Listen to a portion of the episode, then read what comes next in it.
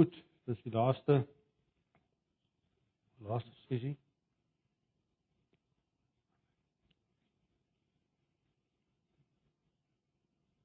Julle moet maar oordentlik moeg wees, so ek raai. Energieloos. So ek gaan dit ek gaan dit nou nie julle leiding verleng nie. ek gaan dit ehm uh, ek probeer my bes, maar dit is ook maar nie suksesvol nie, maar gaan probeer om vanaand te doen wat ons moet doen. Of wat ek gedink het ons moet doen. Goed. Ons het net om 'n bietjie op te som waar ons nou is. Onthou ons het gesê ons ons kyk nou na die missionale gemeente, ons kyk na die kerk wat geroep is om in die wêreld 'n verskil te maak en en die kerk vertoon definitief sekere karakteristikke wat gemeentes in 'n sekere sin party onderskei van ander. Ehm um, en ons wil graag na daai eienskappe kyk, sien hoe dit ons miskien kan help in ons eie verstaan van gemeente wees. So die eerste ding wat ons nou gekyk het reg in die begin was om te sê die groter prentjie lyk vir ons belangrik om God se plan te verstaan. Daai perspektief moet ons die groter prentjie raak sien. Dis wat ons heel heel eerste gedoen het. Toe het ek gesê, maar dan het ek ook agtergekom dat daar sekere eienskappe wat mens kan amper sê deel is van die lyf van die gemeente. Dis nie net waar die gemeente kyk nie, dis waar die gemeente eintlik hier binne in hom is. En die eerste een was, ons het gepraat oor die die koninkryk beginsel en die feit dat die gemeente die koninkryk verstaan en die koninkryk sigbaar maak en dat die gemeente eintlik 'n takkantoor of 'n uh, amper 'n demonstrasie is van die koninkryk in die wêreld. So dit was die eerste een. Die tweede een wat nou die langer een is, gaan nou oor die feit dat die gemeente moet sy eie identiteit verstaan, moet weet wie hulle is in Christus en wie is hulle in die wêreld en wie is hulle in hulle konteks. En dis waarmee ons nou besig is. So ek het nou al so klomp eienskappe genoem wat ek dink wat identifiseer wat is die kerk eintlik skriftuurlik en daar's nog so twee of drie van hulle wat ek nog vir julle wil wys en dan is ons bedeene klaar en dan die laaste twee wat ek wil mos nou vier vir julle wys. Die laaste twee is baie kort, ek gaan hulle eintlik amper maar net probeer noem. Goed, kom ons gaan na die volgende toe praat oor die Heilige Gees en ons sê dis 'n belangrike konsep of nie is meer as 'n konsep, dis 'n waarheid wat ons moet verstaan dat die gemeente word bekragtig en bemagtig deur die Heilige Gees. As dit nie so was nie, dan was die kerk nie kerk nie, dan was die kerk eintlik net 'n sosiale groepering van mense. Right. Ek gebruik daai prentjie baie. Ek het ek, ek het 'n klomp ander skyfies wat ek gebruik as mens nou baie tyd sou hê wat ek nou nie gaan doen nie. Wat ook die die die liggaam van Christus voorstel en jy kan sien Ek het 'n klomp klein mannetjies en al wat ek maar eintlik daarmee probeer probeer illustreer is om te sê maar die, die beeld wat wat Paulus vir ons in die Nuwe Testament van die kerk gee, is die liggaam van Christus en die liggaam van Christus is individuele gelowiges wat die liggaam natuurlik nou opstel, saamstel. Goed.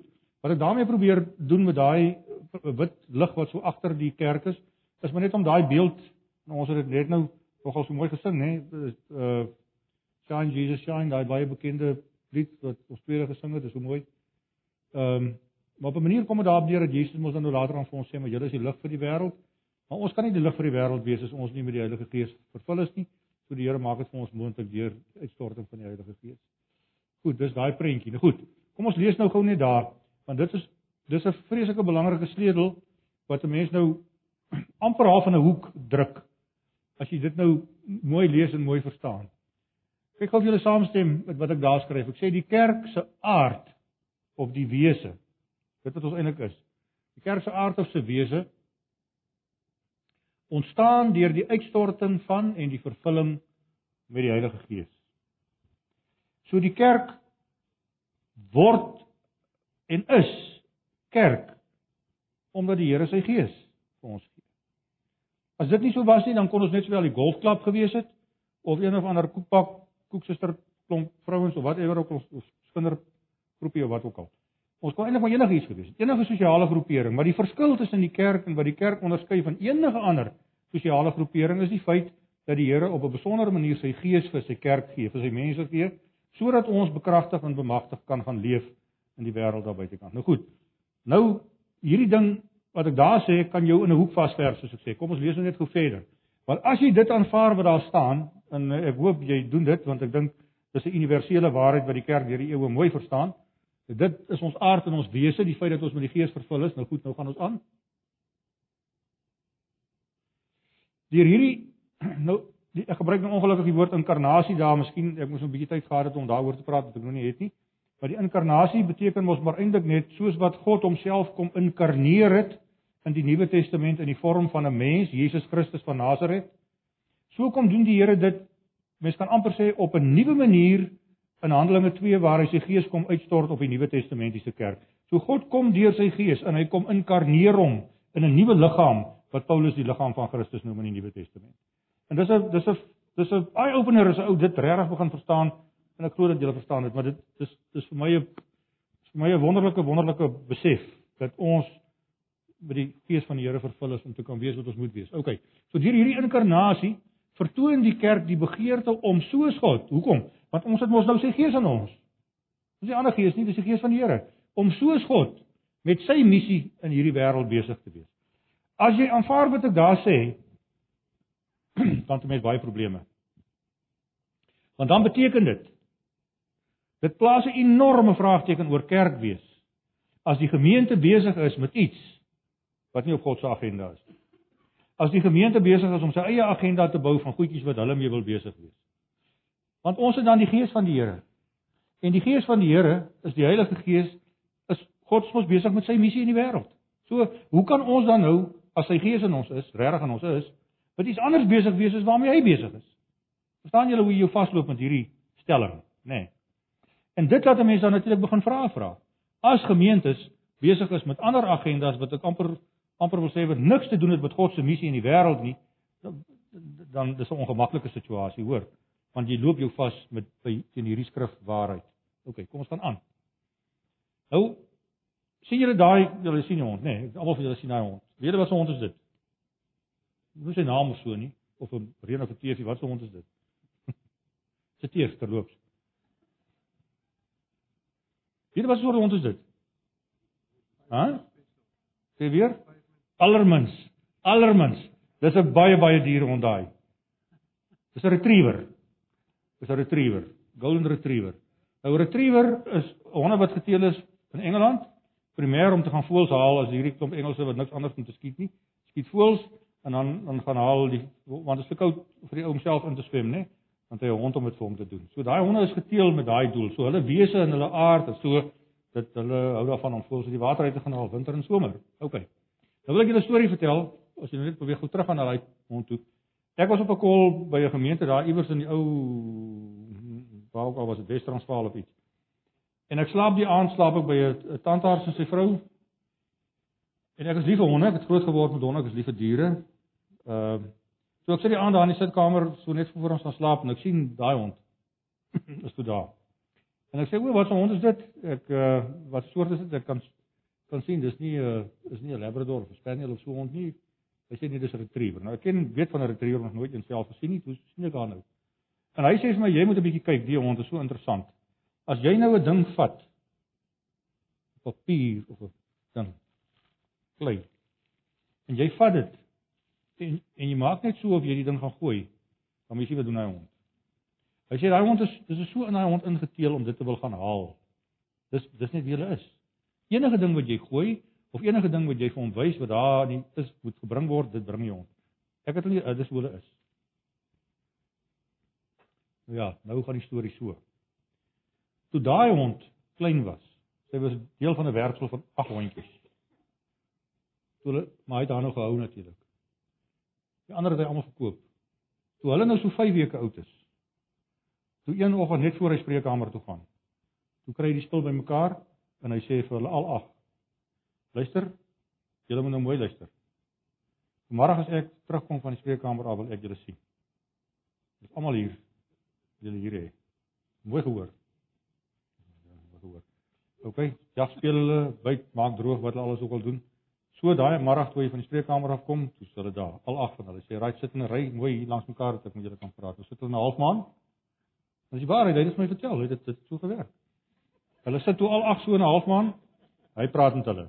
Hy sê vir hulle, "Kyk, een hoekom ek julle nou bymekaar kry is julle gaan binnekort, binne die volgende week gaan julle almal van verskuif na ander nuwe eienaars toe en so aan. Julle is nou groot genoeg. Julle moet nou gaan weg van julle maar Maar voor julle kan gaan, is daar 'n paar goedjies wat ek vir julle moet vertel van julleself. Die eerste ding is, julle moet weet mense noem julle 'n retriever. Weet julle dit nou? Dis julle naam. Dis die ras waarna julle behoort. Julle is retrievers. Moet dit tog nooit vergeet nie, hoor? Dat mense sê jy's 'n Steffie of 'n dingie, jy's 'n retriever. OK, julle het dit. Ja, nee, hulle skat hulle koppe, hulle almal staan mooi, hulle is retrievers. Hy sê, "Oké, okay, nou die volgende ding wat julle moet weet, julle is verskriklik lief om goeder te gaan haal. So, as enige mens in die toekoms ooit lyk asof hy 'n ding wil gooi, maak tog of jy die ding wil gaan haal, want dis hoe jy veronderstel is om te wees. So, jy moet goed wil gaan haal. Verstaan julle daai eienskap? Ja, nee, hulle verstaan. Okay, so jy moet nou so wees. Nou is daar 'n volgende ding wat jy moet verstaan. Kyk na jou lyf. sien jy hoe lyk jou lyf? Jy het twee lae hare. Jy het daai mooi wonderlike hare aan die buitekant, maar sien jy net onderkant? Druk jy snoet daar in en kyk jy. Kyk hulle. Ja, onder daai hare is 'n klein harder haartjies so styf te mekaar sit. Hy sê dis nie sommer net vir die grappie. Dis om julle warm te hou as julle nou nat is, nê, nee, as julle nou uit die water uitkom, want wat julle eintlik nie weet nie, julle is nie hier in hierdie plek kom julle eintlik vanaf, julle is eintlik Engelse honde, julle kom van oorsee af. Oorspronklik. Daar het julle geteel om voëls te gaan haal uit die water uit. So jy daai twee lae hare om vir jou warm te hou in die winter dat jy dit kan doen. Verstaan julle? Julle verstaan. Hy sê, "Oké, okay, dis nou die einde van die van die lesing. Al wat nou oorbly is julle moet nou maar net so gaan leef soos retrievers, né? Nee? Want dis mos nou wat julle nou is. So julle weet nou hoe mooi behoort julle te wees. En toe volgende paar dae toe, so hulle almal weg en net daai teef bly toe nou oor. Dis die storie van die retriever.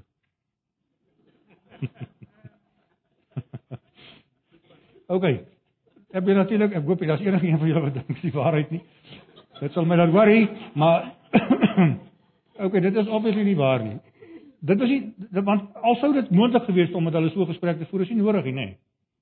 Dis nie nodig nie. Hoekom nie? Want dis wat hulle is. Dis in hulle DNA, hulle is so geteel om so te wees.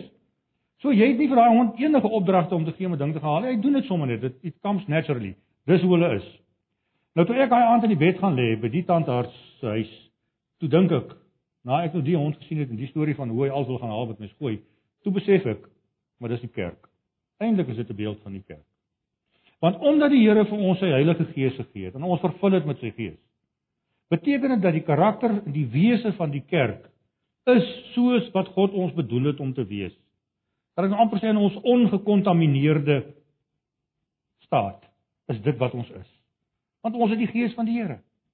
So dis hoe ons behoort te wees. Dis hoe ons behoort op te tree. Met ander woorde, dit behoort natuurlik vir ons te wees om deel van God se groot herstelplan in hierdie wêreld te wees en om daarin ons plek en ons rol en ons uiting te vind. Nie nodig om dit vir ons te leer eintlik nie. Ons is so. Nou kyk net, ek gaan die prentjie net gou verder vat hierdie hele ding van die hond nou. OK, so dis dit gaan oor hierdie hele storie van wat is wat is 'n mens se bestaansdoel? So die bestaansdoel van die hond, die retriever is natuurlik om nou as daai ou gejag het om daai voël te gaan haal. Daarom is hy so geteel dat sy aard en sy karakter, jy kan die volgende ding druk Cecilia. Volgende ook sê maar eintlik maar net dat op die ou end is sy aard en sy karakter in lyn met dit waarvoor hy oorspronklik geteel is. Nou ek is nou jammer dat ek die kerk nou so degradeer, maar op 'n manier is dieselfde ding. Dat die aard en die karakter, die wese van die kerk is so dat ons in lyn kan wees met dit wat God se bedoeling en sy plan in die wêreld is. Dit sou ons nou verskriklik vreemd wees as die Here ons wil gebruik in sy groot plan in die wêreld, maar op 'n manier stel hy ons hoegenaamd nie in staat om dit te kan doen nie. Inteendeel, met respek gesê, hy doen eintlik sy bes om ons so so te maak dat ons glad nie daarby kan uitkom nie. Dit maak ons nie sin nie. Dis nie so nie. Daarom gee die Here vir ons sy gees. Sodat ons kan doen wat hy van ons vra, sodat ons kan wees wat ons moet wees. Dis ons aard en dis ons karakter. Die goeters is in lyn met mekaar. Kyk net gou na die volgende prentjie. As jy nou daai daai retriever daar vat Ek het 'n Steffie op 'n stadium gehad, ek dink hy onthou nog dalk vir Ramkat. Daar's nie 'n manier hoe jy vir Ramkat kon gesê het, hoorie, daar's 'n voël wat in die water geval het, gaan haal die voël nie. Hy kon nie, want hy kon nie swem nie. Ek moes 'n paar keer sy lewe red in my swembad. Hy die enigste ding wat nog gebeur, hy sak tot op die bodem en dan loop hy daar onder rond. Jy verstom jou, daar stap hy rond. Dis dit. As jy my uithaal nie, is dit die einde van Ramkat. So voëls in water gaan haal is nie regtig moontlik nie. As jy vir hom sy eie eintlik net sy sin gee, dis sy aard en sy karakter, hy sal 'n kar se bande stuk en byt op so. Daarvan hou hulle. So, maar dis 'n Steffie. So as jy na daai selfe prentjie nou kyk met die Steffie daaronder, dan is dit mos nou logies om te sien, maar die aard en die karakter van daai diertjie is hoegenaamd nie in lyn met dit wat daai ou daarbo wat die voël skiet verwag nie. Glad nie. So, dit maak nie sin nie. Daarom is dit nie 'n Steffie nie, maar 'n retriever. Right. Nou kan ons teruggaan, volgende skyfie, daar's die retriever nou weer daar. OK, volgende een. Selfde ding met die kerk, nê? Nee. Die bestaansdoel van die kerk is om deel te wees van God se plan in die wêreld. Sy groot herstelplan wat ons mee begin het. OK. So die Here gee ons die aard en die karakter om dat dit in lyn is met ons bestaansdoel deur vir ons sy Heilige Gees te gee. So daar's die prentjie en dit maak nou mooi alles lekker sin. Maar nou gaan ons aan. Nou het ek dit daar geskryf, julle kan dit nou maar lees. God skep sy kerk sodat sy bestaansdoel, hoekom ons hier is, en sy aard, wat ons is, in lyn is. In harmonie is. Die kerk is dus in staat om te wees en te doen wat God wil hê ons moet doen. Ons sou nie gewees het nie, maar hy gee vir ons sy gees. En daardeur bekragtig hy ons en bemagtig hy ons om te wees wat ons moet wees. Mooi prentjie. Teologies korrekte prentjie. Niks wat mens daaroor kan kritiseer. Nou goed, nou gaan ons aan. Maar nou lê die storie so. Als is nou lekker daar, als is in lyn met mekaar, en wat gebeur nou? Ook en ook jy net daar stop. En ek hoop julle verstaan wat ek daarmee probeer doen het. Julle sien wat gebeur met hom met die bestaansdoel. Wat hom probeer terug, hou hom net dop. En maak sulke wille swokke. Kyk hier onder.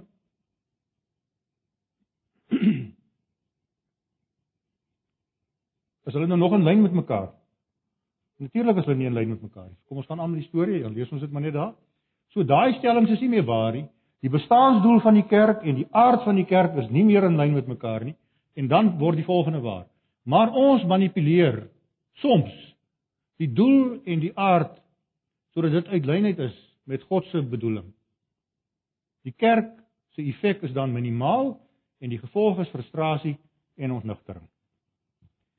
So kom ek by 'n gemeente en ek hoor mense is ontnigter met kerk wees. En hulle het hulle moed verloor vir kerk wees. En hulle is nie gemotiveer meer nie en hulle wil net nie meer nie en hulle verstaan nie eintlik meer nie. Dan wil ek vir jou sê in 9 uit 10 gevalle kan jy maar na daai prentjie toe gaan. Dis wanneer jy die Steffie vra om 'n voël uit die water uit te gaan haal as ek nou daai beeld mag gebruik. Hy wil nie, hy kan nie, dis nie waarvoor hy gemaak is nie. As ons met die kerk van die kerk 'n sosiale klub maak of 'n fietsryklub of wat se ding ons ook, ook al wil maak, nou is sulke gemeentes wat ek bykom wat dit gebeur. As ons van die kerk iets anders maak of 'n ander doel uit die kerk uit wil kry as wat die Here se bedoeling is, dan gebeur dit. Dan is dit presies wat ons doen. So, die Here gee vir ons sy gees sodat ons iets van sy aard en sy karakter in onsself kan hê as die Nuwe Testamentiese liggaam van Christus. En op grond daarvan is ons in staat om deel te wees van sy groot herstelplan in die wêreld. En kan ek dit nou maar so sê? As ons nie daarmee gaan karring nie, dan as ons nie ons eie planne maak en Genesis 3 weer laat herleef nie, dan is die kerk in harmonie met dit wat God wil hê die kerk moet wees. En dan sien 'n mens dinge gebeur. Jy sien transformasie in die wêreld en jy sien 'n gemeente met entoesiasme, met energie en met 'n groot klomp dinge wat net maak dat mense is net opgewonde om deel van God se mense in hierdie wêreld te wees. Maar soos daai selfs daai hond, wat daai arme hond nou ding moet doen waarvoor hy nie bedoel is nie, dan raak dit net so. Ek dink hier aan die strand het ek by 'n vriend van my geëet na een, een Sondag na ek daar gepreek het in die in die in hulle het het aan die agterplaas hulle skaaphond border collie ek groot geword met hulle kom in die Karoo uit en ek kyk die hond kom so by my pragtige hond sy hare blink hy's goed versorg die kinders speel met hom met 'n bal daar in die agterplaas in die strand gestap op die strand op met hom. En hy hond kom staan so by my terwyl ons vleisbraai of hy vleisbraai en ek vryf die hond se kop en ek kyk die hond en ek besef dis weer die kerk. Daai hond kan nooit hy kan nie skaaphond wees nie, ooit nie. Nie daar nie. Nie tussen daai vier waaibekriet mure daar agter nie. Hulle kan hom so goed versorg, so lief wees vir hom, maak met hom net wat hulle wil. Dis nie 'n skaaphond daai nie. Hy kan nie wees nie. Daai hond kom tot sy reg as jy hom daar by Karoo se vlaktes gaan los tussen 'n trop van 'n duisend skaap en sê vir hom bring, bring dan moet jy sien wat gebeur. Dan begin daai oë blink. Dan begin daai hond hond raak, want dis waarvoor hy geteel is, dis sy aard, dis sy karakter. Dieselfde ding met die kerk. En in die wêreld, deur al die eeue, het mense die geneigtheid om van die kerk iets te maak wat God die kerk nie bedoel het om te wees nie. Hoekom? Genesis 3 is alive and well. Genesis 3 maak dat ons die kerk wil gebruik vir ons eie doeleindes baie keer dat ons ons eie planne met die kerk het. En dis 'n baie lekker plek om my eie ideale, my eie beeld geblaas te kry, my eie sigbaarheid bietjie so voor die mense te kan sit. Dis 'n wonderlike ding vir Genesis 3, die kerk. En daarom moet mens maar mooi jou oor op die grond hou en jy hoor wat in die kerk en die wêreld gebeur en jy kyk na telly preachers en allerlei sulke dinge, dan kom jy agter Genesis 3 is baie lewendig in die kerk, in die kerk. Maar dan sit die Steffie wat probeer om die voel uit die water uit te gaan. OK, so, kom ons gaan aan. Nou is ons klaar met daai ene, hoor. Daar's nog 'n klomp goeters oor dit wat mense mos nou kan sê, maar ons gaan nou nie daar daarop verder nou in nie. So die volgende eers tweede stap wat ons gehad het, eers een was die koninkryk, Volgende een is ons moet ons identiteit ken, ons moet weet wie ons is as die Here se mense.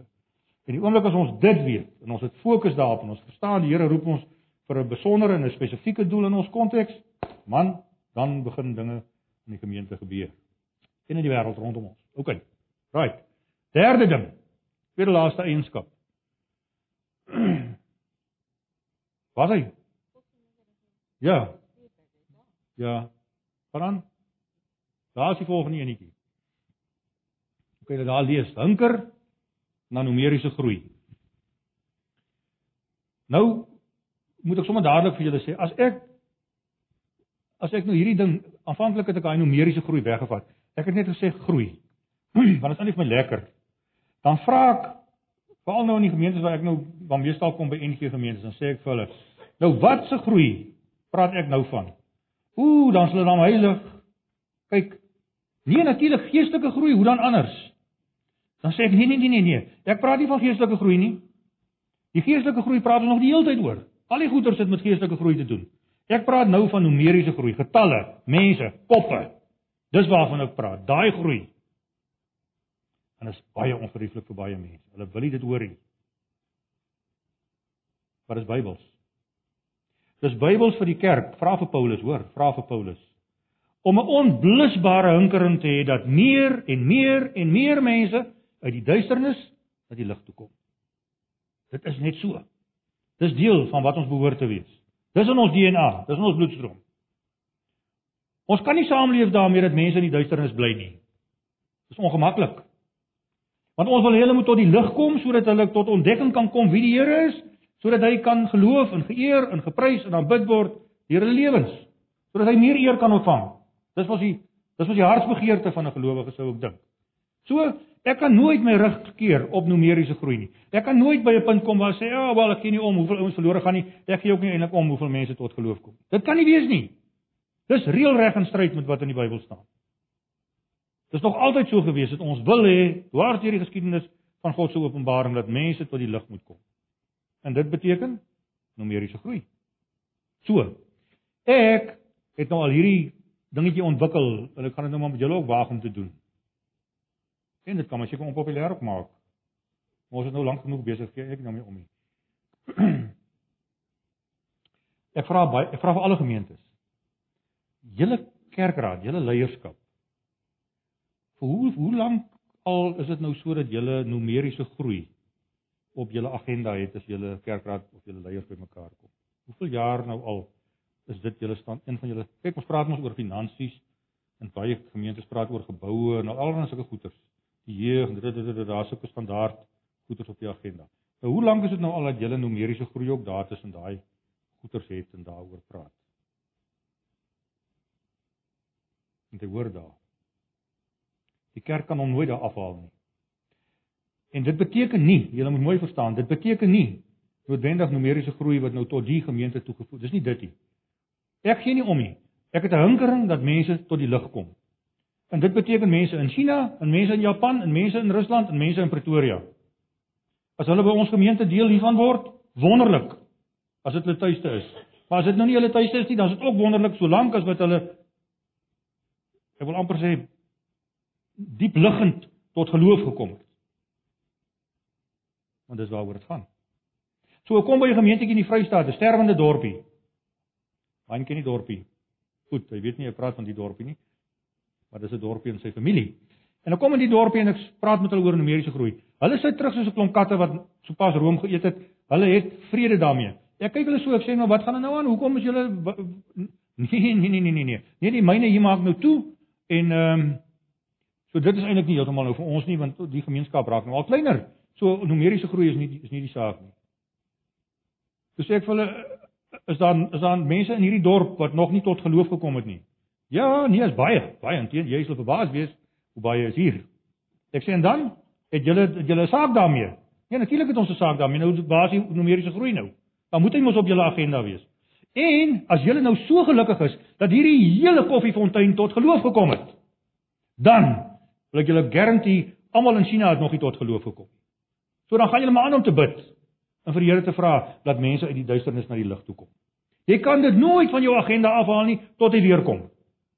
Tot Openbaring 21 waar word, is dit deel van die kerk se agenda, numeriese groei.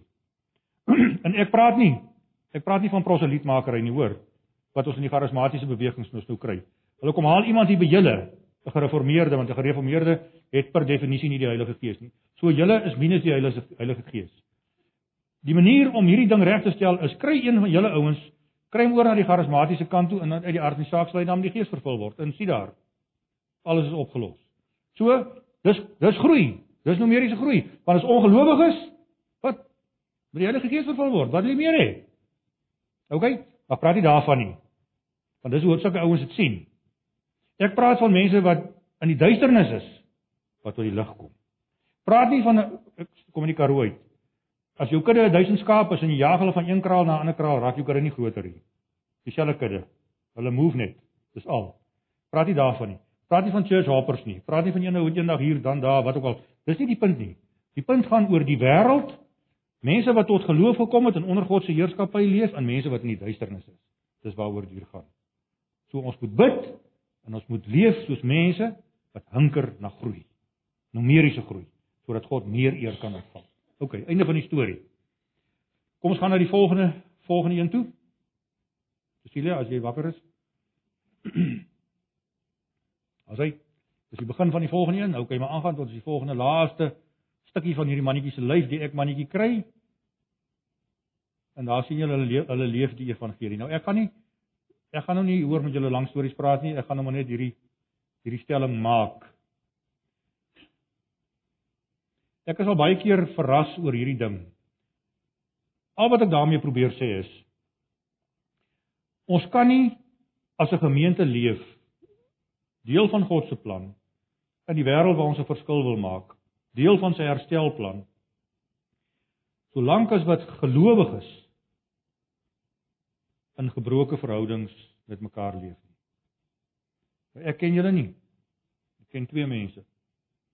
Ek ken julle nie so ek ek ken nie julle stories nie. Ek ken nie die gemeente se storie in daai verband nie. Maar ek het nou al te veel gesien in die ruk wat ek nou in 'n bediening is, as ek by gemeentes kom, hoe Christene sukkel met hierdie ding van gebroke verhoudings. Hierdie jaar as ek in Indië so so in die begin van die jaar.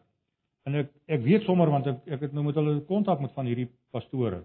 En ek kom agter die gebroke verhoudings net soos daar in Botswana waar ek laasweek was, Gebroke verhoudings is deel van die dis deel van die ding. Dis hoe dis hoe dit werk. En ek praat met daai pastoor, ek het op skool een week wat het ek so, ek weet nie hoeveel was hulle 70 Cecilia wat was hulle? So moet sê 70 van hulle het ek so vir 3, 4 dae gehad in so 'n opleidingssessie. En ek sê vir hulle en dit was waarskynlik nie en ek baie sensitief om dit so te sê nie, maar dit is toe net so met die Saterdag toe ons klaar maak. En ek sê vir hulle, ek wil nou vir julle sê, as julle môre op 'n kansel klim en jy het 'n gebroke verhouding waarvan jy bewus is in wat jy nog nie aangespreek het nie en wat jy eintlik op 'n manier akkommodeer. Dan wil ek nou vir jou sê en ek waag dit om te sê in die naam van die Here, klim jy nie op 'n preekstoel nie. Want jy kan nie 'n evangelie van liefde verkondig as jy dit nie leef nie. Jy kan nie 'n evangelie van herstel verkondig as jy in gebrokenheid met mense in 'n verhouding leef nie. Jy kan nie vertel Openbaring 21 kom terwyl jy weet willens en wetens besig is om dit met verhoudings met mense te doen. Maak nie saak of dit jou vrou of jou kind of so wie ook al is nie, ek het vrede daarmee. En ek is nie besig om te sê daar kan nie verskille en konflik daai goed gebeur. Dis nie die punt nie, die punt is wat maak ons daarmee? En ek sien verwoesting in die kerk. Ek sien dit veral in gemeentes waar daar meer as een leraar is, is op 'n manier asof die Satan daai verhoudings teiken. Want hy weet, as hy daar lyk my op 'n manier kan 'n breekspil veroorsaak, want jy in 'n sekere sin amper die gemeente geneutraliseer. Want dan word die gemeente in 'n sekere sin 'n klug. Dit word regtig 'n klug in die wêreld. Want hoe kan ons die evangelie verkondig wat ons nie leef nie? Niemand glo dit meer nie. Dieselfde met die kerk. So my appel is maar net om te sê, gemeentes wat ek sien wat 'n verskil maak na buite. Is gemeentes wat nie gebroke verhoudings akkommodeer nie. Dis gemeentes wat daai goed hanteer en iets daarmee doen. Ek het soms 'n paar goedjies daar geskryf, ons kan net vinnig daardeur lees. Daar is mos nou nie 'n groot eh, opdrag in die Bybel wat duideliker is dit is nie. Ek vra verlede week vir die ouens in Botswana. Hoe bid jy? Wat beteken dit eintlik? Ek maak mal wonder reg. As ons vir die Here in die Onse Vader gebed sê, vergewe my my skulde, my sondes, my ongeregtighede, hoe? Hoe moet hy dit doen? Net soos, net soos ek dit ook doen met mense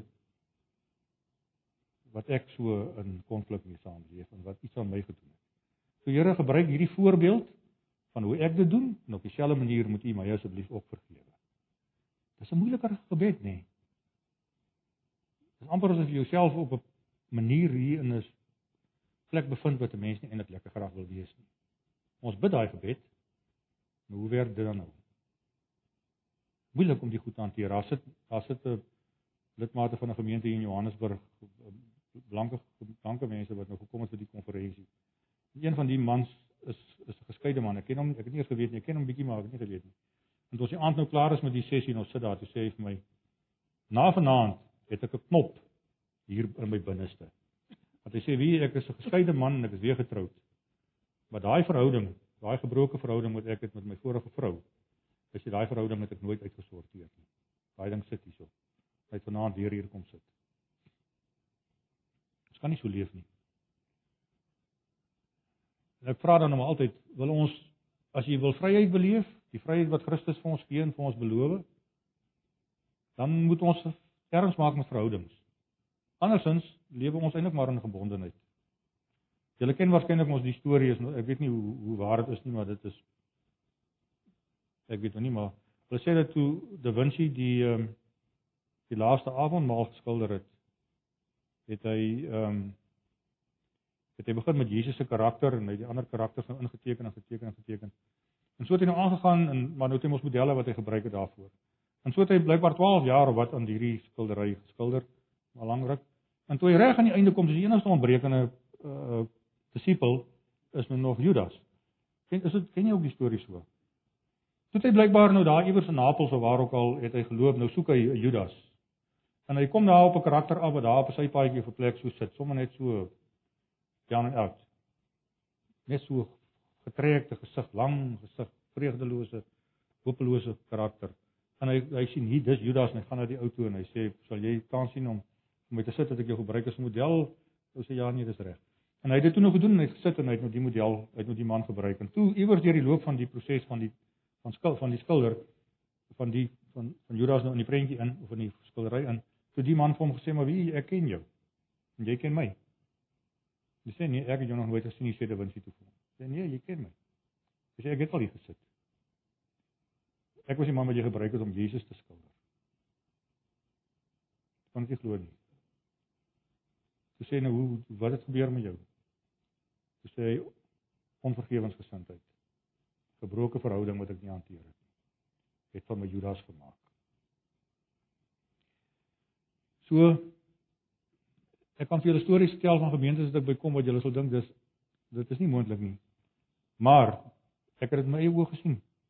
Hoe gemeente so omdraai, so omdraai. En dit dit maak net sin, dit is van selfsprekend. Want dis wanneer ons begin om die evangelie wat ons verkondig te leef. OK. Dis die teenpool van van herstel natuurlik, nê, nee, want dit is gebrokenheid. Dis dis dit. Dis hierdie dis dit. OK. Ek het net op julle gesê daar's een plek, daar's dalk wel miskien meer plekke, maar daar's een plek in die Bybel wat ek van weet waar die Here vir die volk sê, maar hoor jy ek hoor nie lekker wat julle vir my sê nie. Ek gaan ook nie na julle luister nie. En dis nou daar wat Jesaja skryf. Julle kan dit maar lees. Want hy sê van ek hoor julle nie, want julle is besig om mekaar met die vuis by te kom, sê eintlik daar, né? So ek wil maar net hê, julle moet dit net hoor. Een van die eienskappe van 'n gemeente wat 'n verskil maak, is 'n gemeente wat erns maak met verhoudings. OK. Kom ons gaan aan. Nou is ons klaar eintlik met daai ek mannetjie. En normaalweg is daar nou nog ander eienskappe wat ek rondom sit. Dis goed dat ons gewoonlik doen as ons met leiers daaroor werk, maar nou goed, kom ons gaan nou hiermee. Die laaste, die dingetjie wat nou gebeur, sien julle sien julle wat nou met daai mannetjie aan die gebeur is. Ons kan oor al hierdie goeters met mekaar praat oor jy kan daai eienskappe kan teenwoordig wees, ons kan verstaan wie ons is, ons kan die koninkryk goed en reg verstaan, ons kan lekker wyd kyk en ons kan God se groot prentjie raak sien. Al daai dinge kan gebeur. Maar op die ou end as die omgewing waarin die Here ons geplaas het in die werk waarna hy ons wil gebruik, As ons nie besig is om transformasie om verandering te bring nie, dan is dit mos nou eintlik maar alles vertiel, is dit nie? Mense kan eintlik maar op die ou en sê die die die die lakmoestoets aan die einde is wat gebeur rondom ons. Wat wat gebeur as ons kom by 'n gemeentetjie en ons sê die Here het ons geroep om die evangelie op 'n ander plek te gaan verkondig en die ongelowige sê ons kan nie sonder julle invloed klaarkom nie. Onthou julle die storie waarmee ons begin het met die Karaba. Dis dan wanneer die tek en die teer nou eintlik ek dit nou so kan uitdruk by mekaar uitkom. Want dan sien ons 'n veranderde gemeenskap. 'n Gemeenskap wat op 'n manier begin verstaan hoe lyk dit waar die koninkryk sigbaar word omdat God se mense dit leef. So heel aan die einde van alles, ons kan oor al hierdie mooi goed met mekaar praat en saamstem daaroor. Heel aan die einde moet ons vir mekaar sê, wat is die effek van die gemeente daar waar die Here ons wil gebruik in ons konteks? Anderster hang daar 'n groot vraag. So ons sê baie keer sal die ouens in die teologie vir jou sê uh, dis nou maar 'n beeld van Jesus wat wat sy disippels leer. Daar's twee twee groot woorde in Jesus se ehm um, mens kan amper sê se se se woordeskat van sy lering. Die een daarvan is wat ons noem ortodoksie, nê? Nee. En dit beteken die regte leer. Letterlik beteken dit dit, ortodoksie, die regte leer, doxa, nê? Nee, die regte leer.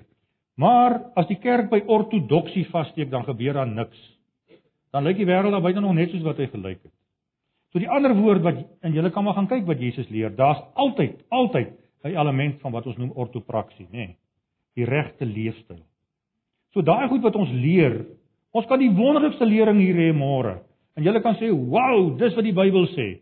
Maar as ons hier uitstap en en daai goed wat ons mekaar sê, kry nie gestalte hier buitekant in 'n wêreld wat in nood is nie, dan Wat help dit? Wat help dit? En dis verseker nie God se bedoeling nie. Onthou dis herstel. Dis waarmee God besig is en ons moet daarin meewerk. Goed.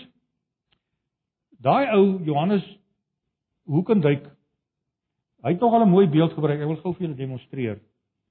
Hy het gepraat van die kerk. Dan sê hy en ek het 'n vriendin wat nou die dingetjie vir my gemaak het, nê. Nee. Stel jou nou voor, dis nou die kerk. Ons weet mos nou die kerk is nou nie so gebou nie, maar dis nou die beeld daarvan, nê. Nee. Hoekendijk het gesê die kerk lyk eintlik so. Swart, donker, somber, onaantreklik. Niemand wil enigiets met die besigheid te doen nie. En kyk hoe lyk dit. Niemand wil hier wees nie. Maar hy sê, die oomblik as dit gebeur. The church noem hy dit inside out. The church inside out. Dan lyk die kerk so. Dan raak die kerk lig vir die wêreld. Julle verstaan wat bedoel hy met inside out. Dit beteken ons, die gemeente, moet uitgedop word. Uitgedop word in die wêreld daar buitekant.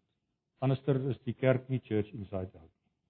En die kerk vervul sy rol in God se plan wanneer die kerk dit word. Dan raak mense aangetrokke tot die kerk en sê, "Wow, wat is anders by julle? Julle is 'n alternatiewe gemeenskap. Ek wil kom kyk, hoekom lyk dit so by julle?" Goed, So, dis nou die ek kan nie lekker sien daar aangaan nie, maar wat ons daar probeer sê, hè? O, okay. Die ek. Nou ek gaan nou afsluit met hierdie laaste stukkietjie en ek gaan miskien net so ietsie daaroor sê en dan gaan ek vir julle net 'n storie vertel en dan ons stap. Okay. As jy nou vir jou voorstel, dis die kerk nou daai, daai ek mannetjie, ons weet nou sy eienskappe, sy binneste is nou daar en sy handjies, sy voetjies, en hy maak nou 'n verskil, jy sien die groot prentjie. Right, vreeslik mooi. Maar kyk nou. Nou bestaan daai ek mannetjie. Die kerk bestaan mos nou uit individuele gelowiges, nê? Nee, dis mos nou ek en jy. Die persentasie tyd wanneer ons kollektief as 'n gemeente bymekaar is en kollektief goed in die wêreld na buite kan doen, is 'n klein persentasietjie van jou wakker bly tyd. Die grootste gedeelte van jou en my tyd spandeer ek as 'n gelowige op my eie nie deel van die formele kerkgemeenskap so in die wêreld daar buitekant. Dis waar ek in vergaderings is en in rye staan by Pick n Pay of by Checkers of waar ook al, waar ek in 'n verkeersknoop sit en waar ek my hier meer verloor en waar ek iewers in 'n debat of in 'n konflik of oor wat ook al met mense betrokke is. Dis dis dan. Dis dan wanneer die kerk in aksie is buite op die straathoeke van die wêreld. so ons kan dit nooit buite rekening laat nie. Want daar is die kerk die wêreld in en die kerk is nou individue. So al wat ek eintlik gou vir julle wil wys en ons kan nou daarmee amper al volstaan as ons daar is. Ek kom maar daarby verbygaan. Ehm um, is ons nou by daai twee modelle. Daar's twee maniere hoe deur die jare daar gekyk is na gelowiges in die wêreld. Die een model Ekskuus tog. Is die modelletjie wat daar aan die regterkant is, wat eintlik nou 'n soort van 'n 'n priester of of of noem dit nou maar 'n monnik, ja, monnik. 'n Monnik voorstel wat in 'n klooster is. Met ander woorde, die kerk of gelowiges word mense wat hulle self afsonder. Want dan is ons eintlik dan is ons eintlik oral. Ons moet Christen gemeenskappe vorm waar ons saam bly. Ons moet ons kinders in Christen skole kry waar hulle geïsoleer kan word as gelowiges. Ons moet ons eintlik isoleer. As ons dit kan regkry, is ons oral. Dis die een model. Dis die monnikmodel. Die ander model is die Jona model. Wat sê jy stap Ninive binne en jy gaan sê so sê die Here. Dis 'n totaal ander model. Ek was op 'n kol daar in Rabat, se stad op Malta. The Silent City, noem hulle hom. Pragtige ou historiese wonderlike ou stad, honderde honderde jare oud, meer as millennium oud. Dan kom jy daar by 'n klooster Die nonne wat in daai ding in daai plek is. Nee, daai plek het nie vensters nie. Hy's gebou in 'n vierkant, die vensters kyk na die vierkant. Hulle kyk nie in die straat nie, hulle kan nie. Hulle kyk sien nooit 'n TV nie, hulle sien nooit 'n foto, hulle sien nooit 'n koerant, hulle sien nooit 'n tydskrif. Hulle sien nooit met hulle eie fisiese oë ooit ooit weer 'n man nadat hulle deel van daai kloosterorde geword het. The Silent City. Toe ek daar staan en ek kyk na die besigheid en ek dink ag, fooi tog, die arme vrouens wat nooit 'n man sien nie. As ek nou met so 'n plek wees, ek nooit weer 'n vrou sien. Baie sleg is. Maar in elk geval, dis nou soort van bietjie van die punt af. Ek het net gewonder, wat se verskil maak hulle? Wat maak hulle? Daar's mos nie 'n manier hoe hulle die wêreld kan verander nie. Hoe hulle kan deel wees van God se herstelplan as jy jouself isoleer en jouself afsonder en jy sê wel niks met die wêreld daar buitekant te doen nie. Daar's 'n daar's 'n ou geuite gelukkig is ons by daai punt grootliks verby waar mense nog steeds 'n beeld het daarvan dat die wêreld in ons terme is eintlik iets wat die hele tyd in oppositie met God is, so asof God nie alles gemaak het nie. Natuurlik is daar gebrokenheid in die wêreld, maar God is God. Dis nie asof God terugtreë van die wêreld nie, want so lief het hy die wêreld gehad dat hy sy seun gestuur het. Op 'n kol was ek op op daar Kimberley by 'n skool op 'n op 'n bestuursraad nou Elke keer as daar 'n nuwe onderwyser of 'n ding moet afstel word, dan is ons nou so 'n paneel wat die onderhoud voer en as ek ook deel van die ding. Op 'n of ander rare manier kry ek toe die job. Ek vra die geestelike vrae. Daai, dis nou ek. Nou ja, nou vra ek elke slag vir hulle dieselfde vraag. As jy nou die as jy nou sê maar jy het nou die pos, sê maar jy is die hoof hier. En dis mos nou 'n Christen, dis nou meeste Christene wat hier is, maar hier is nie een moslim of hindoe of niks hierso nie. En nou kom hier 'n moslim gesin en hulle kind, want dit is 'n skool vir gestremdes. Die hulle bring hulle kind huis die kind is gestremd, die kind in die skool kom. So wat gaan jy maak? Gaan jy sê nee, ons gaan nie die kind kan akkommodeer nie, wat gaan jy doen? En so het ons nou klomp onderhoude gehad so deur die jare. En eendag toe sê hulle vir my: "Wat wil jy eintlik hê moet hulle antwoord, hè? Ons weet nie of ons die ouens nou of hulle goed doen of sleg doen as hulle die vraag nou antwoord nie. Jy moet asseblief vir ons sê wat dink jy is die goeie antwoord?" Sê nee, daar seker verskillende antwoorde, maar wie wat ek eintlik graag wil hê hulle moet sê. Ek wil wil hulle moet sê Halleluja, laat hom kom. Laat hom kom. Want die blootstelling wat hy hier gaan kry aan die koninkryk van God en mense wat onder die Here se heerskappy lewe, gaan hom so oorweldig dat op 'n manier gaan hy gekonfronteer word met die liefde en die evangelie. Laat hom kom. Ek weet nie hoe jy wat jy daaroor dink nie. En ek dink nie daar's noodwendig 'n vreeslike reg en 'n verkeerd nie. Maar dit is my verskriklik moeilik om te verstaan hoe kan Christene wat hulle self isoleer en net nie wil blootstelling hê aan ongelowiges hoe ons ooit mense kan help om tot geloof te kom. Die groot sterk bewegings op die oomblik in die wêreld is sulke sulke gemeenskappe wat hulle praat in Engeland praat hulle van crowded house waar hulle letterlik gaan leef. Dis hoogs gekwalifiseerde gelowiges wat 'n plek teiken en dan sak hulle in 'n deel van Londen of in Sheffield waar hulle al was. Dan gaan hulle dan huur hulle huis en dan's dit argitekte en dokters en sulke ouens jong dinamiese mense, gelowiges, dan gaan bly hulle net daar. Hulle gaan bly net daar. En die huis is oop. En die gemeenskap begin agterkom, maar hier hier's iets, hier's iets. En dan kom hulle en hulle kom sit daar en hulle kom luister na die gesprekke van die ouens. Geen openlike evangelisasie, niks nie, niks nie. Die Bybel lê daar, maar al die goed wat hulle hoor is evangelie. Maar hulle besef dit nie. En dan begin interessante goed gebeur soos by daai een crowded house waar ek was. Waar 'n groot woeste wille swaargebuk bokser met hoeveel vrouens agter hom en hoeveel kinders agter hom. Een eendag vir die ouens daar by die huis sê: "Wie julle wat een van hierdie dogters gaan nou weer vir my kom kuier die vakansie." Ek weet nie hoe moet ek hanteer nie. Weet nie hoe moet ek maak met haar nie. En dan begin hulle raad gee en dan begin hulle uit die Bybel vir hom raad gee, maar hy weet dit nog steeds nie. En toe gaan een dominee wat ek nou weet later en hy begin met die ou praat, maar dis 'n groot reuse growwe ou. En hy sê vir my, "You Christian?"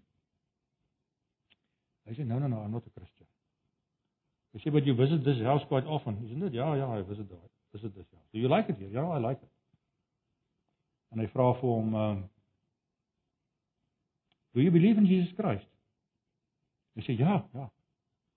No, I believe in Jesus Christ. I didn't believe in him, but since this exposure, I started to believe in Jesus Christ." Hy sê, "O, interessant." Hy sê, "En hoe hoe wil jy leef?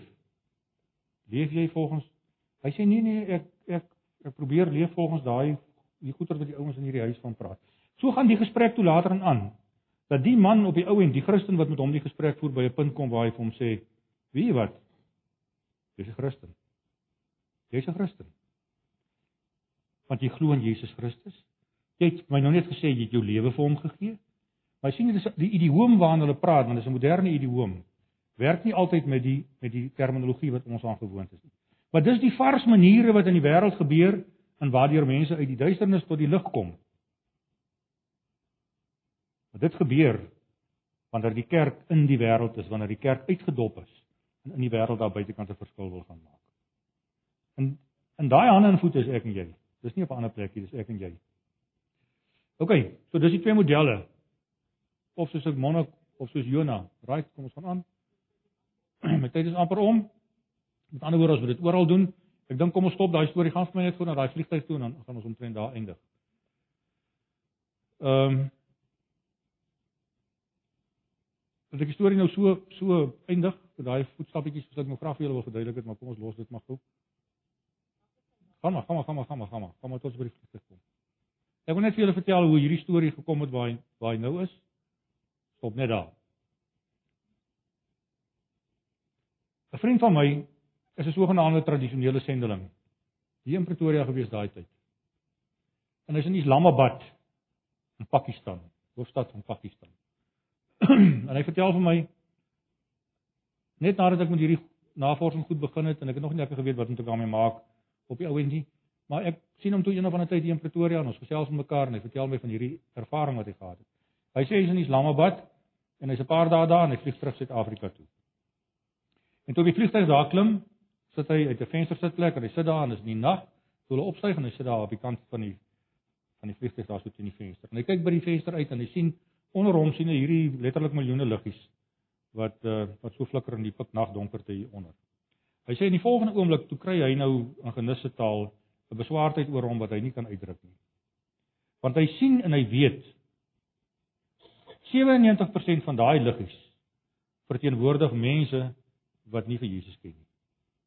97% van daai liggies daaronder verteenwoordig mense wat nie binne God se heerskappy wil leef nie. Wat weerstand bied. Sommige van hulle weet, meeste van hulle weet nie. En hy sê in Irak, dis so 'n benoudheid wat hom beetpak en hy sê vir die Here soos in 'n stil gebed, Here, maar kan mos nie waar wees. Dit kan mos nie waar wees. Dit kan mos nie u plan wees dat al daai mense daaronder verlore gaan omdat hulle nie van u weet nie, omdat hulle nie vir u ken nie. En hy sê dis of hy so in homself so half roep en hy sê, Here, u moet mos 'n plan hê. U moet 'n plan hê. Wat is die plan dat dit nie gebeur nie? Maar hy beleef nog nie die Here praat met hom eintlik verder nie en so hy kom nou terug Suid-Afrika toe. En hy sê die Sondag gaan hy hier na 'n groot gemeente se se erediens vir die oggend. Daar staan 7000 mense rondom hom. En hy sê toe hulle so opstaan vir die eerste loflied. staan so en hy kyk so sien hierdie massa mense wat so staan. Toe kry hy net die belewenis asof die Here vir hom sê: "Klasie, hier's my plan. Dis my plan. Die kerk is my plan in die wêreld. Dis hoe my plan in die wêreld in vervulling kom. Deur mense wat binne my heerskappy leef. Dis die plan. So ek wil nou op 'n manier afsluit en vir julle sê toebord hierdie materiaal se naam die plan. Maar dit is so die Here kan enige manier mos gebruik, ons weet dit, hy's die Here. Maar aan sy groot alwysheid het hy besluit om mense te gebruik, meestal sy kerk. So ons is deel van hierdie groot herstelplan in die wêreld. En die oomblik as ons tot daai ontdekking kom waar ons inpas in God se groot herstelplan in die wêreld, dan begin daar iets in die gemeente gebeur wat uh, wat net vir ons ander sin en betekenis in in ek kan amper sê energie gee om deel van God se mense te wees. So my gebed is regtig dat met die miskien onsamehangende klompie goedjies wat ek so tussenin deur vir julle gewys het en goed het uitgelaat is en wat ook al dat julle tog die prentjie gevorm kry want dit wat ek vir julle probeer sê het dat dit God is wat in die werk is in die wêreld nie eers ons nie ons is hoogstens sy medewerkers en dis waarvoor hy ons roep nou as ek 'n laaste storie kan vertel dan uh, sal ek nogal bly wees as julle my gou toelaat om dit te doen. Ek is op 'n stadium in Pretoria by 'n gemeente, preek die Sondagoggend twee keer. en daai aand begin ons met 'n week van gebed by 'n gemeente in Bloemfontein. Kies tog so ons ry soontoe. Ons kom daar aan en so gaan die hele week verby en toe dit nou sê net maar Vrydag aand het ons sê net maar opgehou, kan nie onthou nie. Maar die Vrydagoggend toe, daar's drie dominees in die gemeente, toe daar nou een van die jong dominees en hy sê vir my Ek wil oom vanoggend vat vir ontbyt en ek sê is reg, kom ons gaan eet ontbyt. Nou gaan ons ontbyt jy daar in in Bloemfontein se middestad iewers. En ons het geëet en toe ons nou klaar geëet het, toe sê maar nou wil ek gou vir oom gaan voorstel aan iemand. En ons stap net so uit by die restaurant en so af op die sypaadjie en daar's toe so uh, uh, besigheid. Dis 'n vrou wat ehm um, wat boerekos maak. Regtig regte boerekos maak en dan verkoop sy dit. So ouens wat daar werk in die in die al hierdie sentrums in die stad en in die kantore en so aan. Hulle baie van hulle is daar klante. Hulle kom koop boerekos daar vir middagete. Dit is wat sy doen. En hy stel my voor aan die vrou wat haar naam ook al was, ek kan nie onthou nie. En hy sê sê maar noem hom maar sê maar Tanisari. Tanisari is ook 'n lidmaat in ons gemeente. Tanisari vertel vir hom Frans jou storie. Nou wil ek eers vir julle sê wat ek nou gedoen het die Sondag aand ek begin. Iets wat ek normaalweg nooit doen nie hier teen die einde ons by, by die tyd van gebed kom sê ek hulle wil julle nie waag om vir die Here te vra. Here wil U nie asseblief môre iewers iewers in my daaglikse werkplek waar ek rond beweeg. Wil U nie asseblief môre iemand oor my pad stuur met wie ek die goeie nuus kan deel? Want dis nou dit. Sy sê ek het dit gebid Sondag. So maandagooggend kom ek hier na my besigheid toe. En ek is vol verwagting dat die Here iemand vars interessant oor my pad gaan stuur. Want ek het dit mos nou gebid. Sy sê ek staan hier en die volgende oomblik stap hier 'n boemelaar in. En ek dog ag Here asseblief nog nie dit dis nie wat ek bedoel het nie. Hulle kom gedurig hier in en hulle kom net die ek sien die kans hier voor. Die regtig dis nie dis nie dis nie fair nie. Dit is nie hoe dit werk nie. Maar die bedelaar is 'n bedelaar met 'n verskil want hy kom toe aan en hy sê mevrou wag wag wag wag 'n bietjie ek kom nie bedel nie hoor. Jy ken mos daai storie. Ek kom nie bedel nie, wag net 'n bietjie. Ek verkoop iets. Hy dog o, dis 'n nuwe triek. Hy verkoop iets. Sy sê wat verkoop jy? Hy sê nee, ek verkoop sleerlouertjies. O, sê sy, dis interessant. Wat ek sien, wat is dit? Hy gee vir haar so 'n perspek perspeks ehm uh, sleerlouertjie, 'n kruis met 'n figuur op die kruis. Dis die sleerlou. En sy kyk daarna en sy sê vir hom: "Dis interessant ek hom koop." Sy sê: "Maar weet jy wat stel dit voor?" Hy sê ja, dis dis 'n man wat daar by kruis vas vas is. Sy sê maar wie wie dit wie stel dit voor? Nee, sê nie. Dis 'n ou blanke man in Bloemfontein se middestad. Nee, ek weet nie wie dit is. Dis jy al van Jesus gehoor? Ja, ek ek het al sy naam gehoor, maar ek weet nie, ek weet nie. Wat ek weet wat hy gedoen het. Sy sê nou kom ek sê nou vir jou die die stilhouer is eintlik reg. Want die kruis is leeg en die graf is leeg. Hierdie Jesus wat wat hier so voorgestel word het opgestaan in die lewe. Hy kan jou lewe verander. Ons het julle evangelie met daai ou blanke boemelaar en daai oggend help sy help sy hom om tot geloof te kom. Ek sê vir haar nou vanaand ons laaste aand sal jy Sal jy kans sien om vanaand die storie vir die gemeente te vertel? Ja, nee, sal. sy het die storie kom klaar vertel, die aand het sy halfpad gekom. En dis die dis die storie. So die gemeente het die res van die storie verstaan wat nie vertel is nie. Die storie dat in 'n stad soos in Bloemfontein en soos in Pretoria en soos enige ander plek in ons land en in die wêreld loop daar mense wat met ons skouers skuur heeldag aldag wat ons nie eers dit van weet of dink nie. Soos daai ou blanke man in 'n gesogenaamde Christenstad wat nog nooit die evangelie eintlik regtig gehoor het. en nou wil ek net sommer nog 'n dingetjie vertel. Seker 2, 3 jaar gelede is ons daar by Grootbrak. Cecilia is ook daar want ons het ding ding Pinkster daar by die gemeente gehad. Ek gaan gooi brandstof in daar by Grootbrak by die Total Garage. En ek sit so in my kar en ek wag dat die brandstof nou moet ingegooi word. Nie kom 'n man aangestap so na my toe. So daar van die uh, winkel afherentjies se kant af. Hy loop met krikke en ek sien toe sommer toe hy aankom. Ooh, jog, dis weer een van daai situasies en ek het nie krag en ek het nie lus daarvoor nie, maar ek kan nie wegkom nie. En hier staan 'n klomp ander karre. Ek kan nie verstaan hoekom die Here hom nie een van hulle toe stuur nie. Hy kom reguit so na my toe aangestap. Net so kom hy. En hy kom staan by my en hy sê vir my meneer ek wil ehm um, ek wil iets aan jou verkoop. Hy sê ek hy sê ek wag my pensioen. Ek oh, wag my pensioen. Ek bly nou hier in 'n plek en my pensioen is eers voorspel oor 'n week of so. Maar ek maak goed wat ek wat ek sommer mense verkoop en ek weet of jy nie een daarvan koop nie. Ek sê wat is dit? Hy sê nee, dis sommer dingetjie wat jy miskien hier oor jou kar se speeltjie kan hang of so. Ek sê wat vra jy vir die ding? Hy sê sê net maar 25 rand of so iets was dit nê. Nee. Ek het nie soveel geld nie. Ek sê okay, ek gaan net gou daar na die kusbank daar binne in daai winkeltjie dan gaan trek ek gou die geld, dan gaan ek een by jou vat. So wag nou net hier. gaan en dan gaan trek geld, ek kom terug sê vir die ding. Hy sê vir my meneer, ek kom hier ek kom hier vanaf. Hier. Ek kom van Bloemfontein af.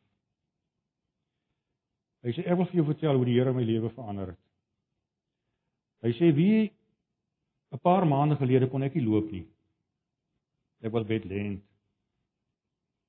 Hy sê en die Here het my lewe so verander dat dit wat nou vandag hier gebeur is 'n wonderwerk dat ek hier kan staan en beweeg met hierdie twee krikke sodat ek hier by jou kan staan.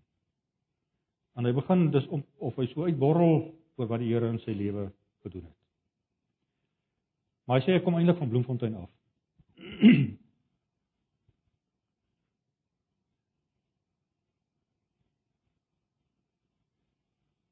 Dis dit. Dit het hy aan my verkoop. En toe luister ek mooi en toe ons weggery sê Cecilia, wie is dit? Dis die man wat daai oggend by daai vrou ingestap het met die vleerlouer van Perspex.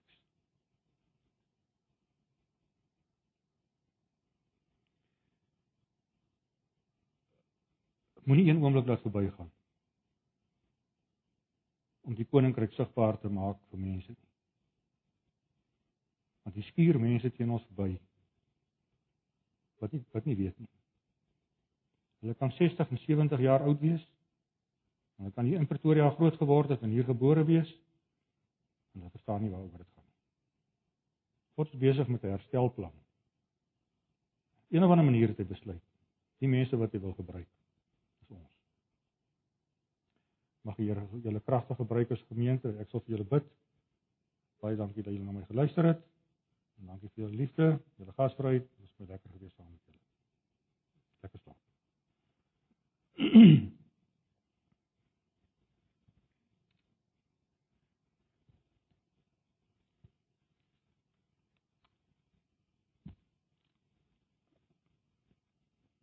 Ek kan maar vir Frans dankie sê. Julle nie vir hom aan uitklap?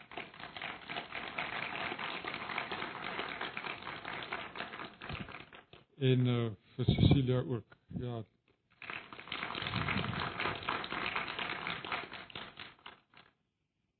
Ja, baie dankie. Ek dink ja, daar's nie een van ons wat nie Puntjie. Daai span se volgende opdrag was Europa. As jy verder gaan lees in Handelinge. Dis een van die duidelikste illustrasies daarvan dat daar 'n onderskeid is tussen God se universele algemene wil wat relatief maklik is om te verstaan, maar dat as jy net daarby sou bly, kan jy dit mis iewers langs die pad, want God het 'n spesifieke wil vir jou lewe en vir my lewe, want hy het jou uniek en besonder gemaak.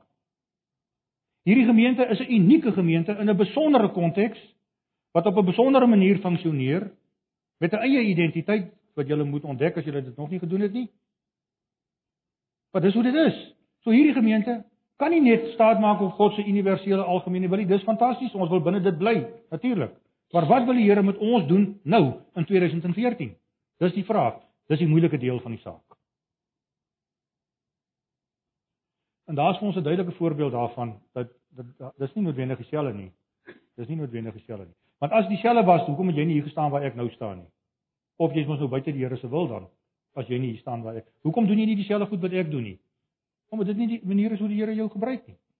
Die Here wil jou waarskynlik en hy doen dit op ander maniere gebruik waar ek weer glad nie toegang het of, of iets mee kan doen nie. So, ons moet dit ontdek. En ons moet ons voluit daarin uitleef omdat dit is wat die Here met my wil doen. OK. So, dis 'n dis 'n moeilike storie. Ek het nou daai prentjie daar geteken, so dat ek net gou weer terug aan daai dingetjie so rond sneek daar. Sê nou maar net, jy stel vir jou, nou dis baie simplisties, hoor. Stel vir jou voor dis God se wil daai, daai perserige kol daar in die middel. Dan wil ek amper op 'n manier dit nou so voorstel. Die gemeente, daar kom hy nou. Hoop ek hy kom. Daar's die gemeente, maak allerlei triks, nê. Nee. Waar posisioneer die gemeente homself? Dis baie baie baie keer so. En mense is natuurlik ons lewende gebroke wêreld. Ons kan ook nie op die ou end regtig by 'n punt kom waar ons sê, "O nee, ek het geen geen twyfel hieroor nie." Miskien kom ons by so 'n punt. Maar dis dit vat soms maar tyd om daar te kom. Soms hoor mense dit redelik vinnig. Hoe ook al, dis die Here doen so wat hy wil. Maar die punt is met daar's gemeentes wat nou nie besig is om om om boosaardighede kwyt te raak en te verkondig of te wat ook al nie. Maar dis gemeentes wat op 'n manier dink ek nog nooit by daai punt gekom het waar hulle regtig soekend en toegewyd wil hoor, Here, wat wil U met hierdie gemeente doen in sy unieke konteks? Wat is dit wat U met ons wil doen? En die oomblik as ons dit nie doen nie, dan kan dit net wees by daai prentjie, dan dat die gemeente net so klein bietjie af is van van dit wat eintlik moet gebeur. Ek onthou toe my toe my seun universiteit toe gaan jare gelede. Toe besluit hy gaan Stellenbosch toe en hy gaan in dieselfde kursus waar ek was en hy gaan regte swat dogter daar is okay, dit ons gaan dit nou gaan doen. Maar net so voor net so voor die jaar se einde van sy matriek toe sê ek vir hom, kom ons gaan gou Bloemfontein toe. En dan gaan hoor ons net daar en ek het dit gehoor van 'n ou daar wat ouens baie wonderlik help. Hy is nou in julle omgewing. Dan gaan praat ons met hom. Hy's 'n goeie, hy's 'n toegewyde Christen en 'n baie baie kundige uh konsultant. Ons gaan vra 'n bietjie vir hom. Wat dink hy van die prokureur besigheid wat jy nou wil word, advokaat of wat ook al. Toe ons ry te Bloemfontein toe en ek sal dit nooit nooit nooit vergeet hoe hy dit geïllustreer het nie. Hy het 'n wit blaaibord gehad, gehad, so, die groot bord so, en hy het 'n hy het 'n blaaibordpen so in sy hand gehad, die ou. Toe nou klaar na sy toetse gekyk het, na my seun se toetse. Toe toe toe toe vat hy so daai pen en hy druk so in die middel van daai stuk papier druk hy so klein swart kolletjie toets net so. En hy sê vir hom: "Wie wat Wagner, jy kan maar Stellenbosch toe gaan. Gaan gaan swat, gaan swat regter. Alraai." Hy sê: "Maar wie was Wagner?" Nou moet jy onthou, dat hy kom sê nou maar daar's die kolletjie nee, daar in die middel van my hand. Hy sê: "Daar's Wagner." as jy dit gaan doen. Jy kan gaan medies wat as jy wil. Jy sal deurkom en jy sal goed doen, jy sal 'n goeie dokter waarskynlik wees. Maar dis Wagner dan. As Wagner Wagner wil wees, dan moet jy argitek word. Hoe doen hy dit? Sal daai prentjie nooit of daai ervaring nooit vergeet nie, want op 'n manier in 'n baie eenvoudige klein manier is dit vir my iets van die kerk. Dis alright. Jy kan daar wees. Die gemeente kan enige plek daar wees. Ons is binne God se universele wil. Maar die plek waar daar iets in 'n gemeente begin gebeur wat onverklaarbaar is amper is wanneer die gemeente daar is waar die gemeente moet wees. Wanneer ons verstaan wat is God se besondere unieke wil met hierdie gemeente. En julle weet dit as ek dit sê, ek kan jou nie daarmee help nie. Ek kan jou nie daarmee help nie. En soos wat ek by gemeentes kom, het ek al 100 maal gehoor, as ons nou by hierdie punt kom. Maar maar help ons, help ons dat ons God se wil ontdek vir die gemeente, dat ons verstaan. As ek al maniere hoe julle kan help, ek kan saam julle bid. Dit is al. Ek kan niks doen nie. Daar's nie 'n metode nie. Daar's nie 'n voorgeskrewe stel reëls of resep, niks van dit nie. Jy ontdek dit deur na aan God te leef. Nou onthou jy ek het nie begin gevra sukkel jy om die Here se stem te hoor. En dit ek sê ek sukkel. En ek sê dit oral waar kom want ek moet dit sê. Ek het al baie keer vir die Here gesê, Here praat harder asseblief. Hoorbaar harder dat ek kan lekker hoor. Want geestelik is ek 'n bietjie hardhoorend, ek hoor lekker nie. So praat net harder. En dan baken ek ook sommer met die Here en sê want U ken my mos nou. En U weet as as ek oortuig daarvan is dis wat U wil hê ek moet doen, is ek dit doen. Buig of bars, dood of lewe ek sal dit doen. Maar dan wil ek seker weet dis wat ek moet doen. So, al wat U hoef te doen is praat net harder, duideliker. Dis dis dit. Dan doen ek dit. Hoekom moet dit so vreeslike gesukkel wees? Het ek oud geword al en ek het tot die ontdekking gekom dat ek nie meer daai gebed kan bid nie. Ek bid hom al vir 'n paar jaar nie meer nie, want ek kan nie dit vir die Here vra nie. Want dis nie die probleem nie. Die probleem is nooit dat God nie praat nie. Die probleem is nooit dat die Here te sag praat nie. Die probleem is nooit dat die Here onduidelik praat nie. Die probleem staan hierso. Dis ek. En as ek nou hierdie metafoor kan gebruik, weet julle wat dit is? Ek is 'n bietjie ver van hom af. Ek is so klein bietjie buite hoor afstand. Nou hoor ek nie lekker. En julle weet wat bedoel ek daarmee, nê? Nee. Dit beteken dat ek geestelik in my geestelike lewe bietjie afkoel en dat ek geestelik nie so intiem saam met die Here leef soos wat ek behoort nie en kan nie en van weet nie. En dat ek nie soveel tyd in gebed deurbring en met hom praat en na hom luister nie. Dat ek nie genoeg tyd met sy woord spandeer nie, dan hoor ek nie lekker nie. Die fout lê nooit by die Here wat nie wil praat nie, maar gaan vir julle een een een uitsondering wys later. Die fout lê by my. Ek praat nou net oor myself wat nie wat nie daar is nie. So die Here hoef nie harder te praat nie. Ek moet net nader kom dat ek weer kan hoor. OK, nou gaan ek afsluit met daai storie. En dan kan ons van eet of wat ook al. Julle ken nou oom kom jy julle wêreld uit. Sien julle lê hier iewers. ek het al laag gesit by sy graf en ons so gekyk. Nie vir hom in die graf. Hy het 'n boek of daar's 'n boek oor sy lewe geskryf wat sommige van julle waarskynlik gelees het.